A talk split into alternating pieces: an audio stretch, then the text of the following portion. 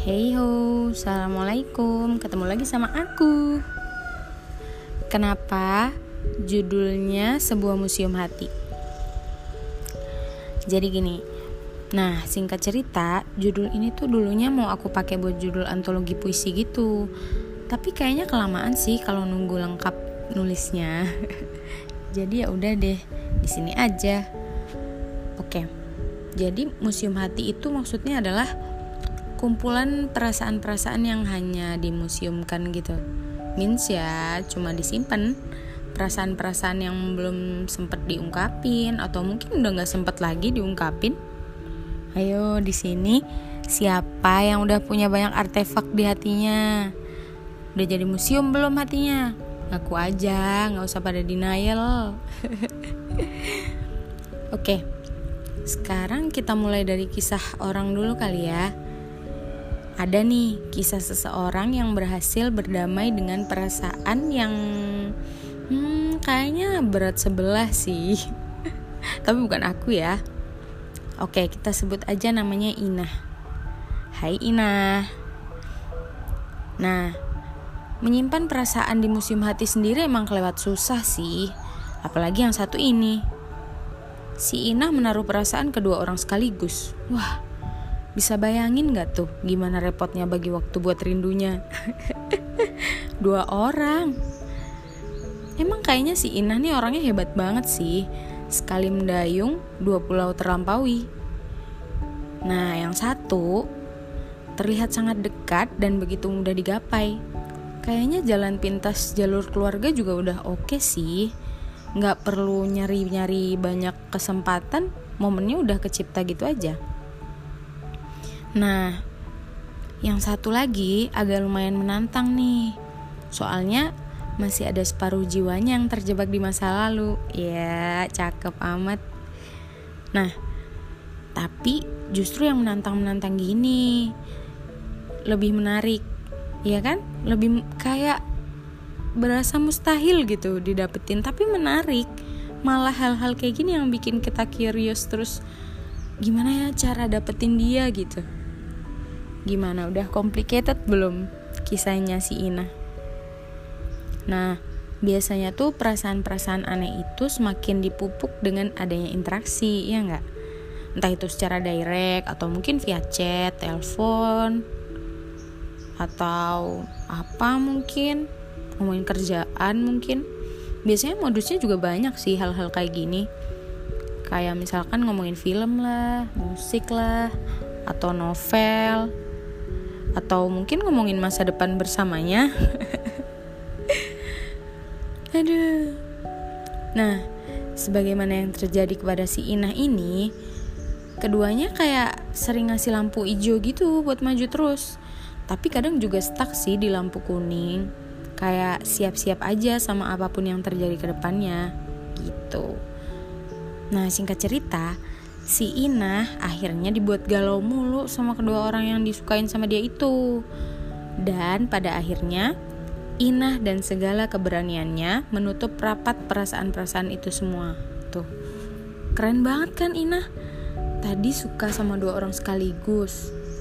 Terus sekarang dia ngeberaniin diri buat nutup semua perasaan yang dia punya. Aduh, hebat banget deh, keren banget loh kamu Inah. Nah, Terus perasaan-perasaan itu satunya diabadikan di museum yang artinya cuma disimpan aja karena mungkin entah sempat atau tidak sempatnya perasaan itu mungkin nantinya bakal diungkapin atau mungkin enggak juga. Jadi ya di museumin aja. Nah, satunya lagi dia lipat, dia masukin ke dalam amplop putih terus dia kirim ke langit. Si Ina mau nyerahin semuanya ke yang di atas katanya biar Allah aja yang atur. Dia bilang gini, emang kalau rasa-rasa berat kayak gini tuh harus ingatnya sama Allah ya. Kalau ingatnya ke Allah tuh pasti langsung lega aja gitu. Hmm, ada benernya juga ya, kata si Inah ini. Hebat juga emang si Inah. Nah, jadi gitu tuh ceritanya si Inah dan kisah kasihnya. nah, baru satu cerita aja udah banyak banget hikmahnya kayaknya. Ini yang bisa aku ambil ya. Pertama jangan mudah masukin karyawan baru ke hati kita buat nyiramin bibit-bibit rasa yang gak perlu. Nanti susah sendiri. Soalnya kalau cuman kita doang dianya enggak kan berat sebelah. Ya kan? Susah. Terus yang kedua hmm, ya jangan sampai merasa dispesialkan. Misalkan dia ngabarin apa gitu. Ya anggap aja. Dia emang cuman sekedar mau ngasih tahu bukan karena kita yang spesial gitu. Cuman FYI gitu. Eh aku lagi ngejim nih atau mungkin eh aku diterima di sini loh gitu. Ya anggap aja dia cuma mau ngasih tahu. Jangan nganggep kalau aduh aku dikasih tahu aku kayaknya orang spesial deh gitu sangat hmm, tidak menguntungkan sih menurut aku Terus yang ketiga, jangan menanggapi kalau emang nggak sanggup menanggung konsekuensi. Oke, kita ulang ya. Yang ketiga, jangan menanggapi kalau emang nggak sanggup menanggung konsekuensi. Nah, ini sih yang harusnya ditanemin dari awal. Emang harus prinsip yang dikuatin dalam urusan apa pun. Apalagi masalah hati. Aduh, susah, Bu. Nah, itu tadi sepenggal kisah dari museum hatinya si Ina. Jadi, gimana ya? Sebenarnya menaruh perasaan ke orang tuh bukan sesuatu yang salah kok. Cuma ya jangan diam jangan diarepin aja timbal baliknya. Banget banget. Gini, aku pernah punya prinsip gini. Jangan mewajibkan dia harus jadi milik kita sepenuhnya. Iya sih emang kadang mungkin emang kita maunya itu. Tapi kalau dianya nggak mau atau mungkin yang di atas bilang kalau dia nggak yang terbaik buat kita ya kita punya hak apa? Gitu terus yang tentang jangan mewajibkan tadi jangan mewajibkan dia harus jadi milik kita itu karena perasaan kan nggak bisa diatur mau jatuh ke hati siapa ya kan? Mungkin perasaan kita udah jatuh ke dia terus dia belum tersentuh hatinya. Ya kita bisa apa? Tuh.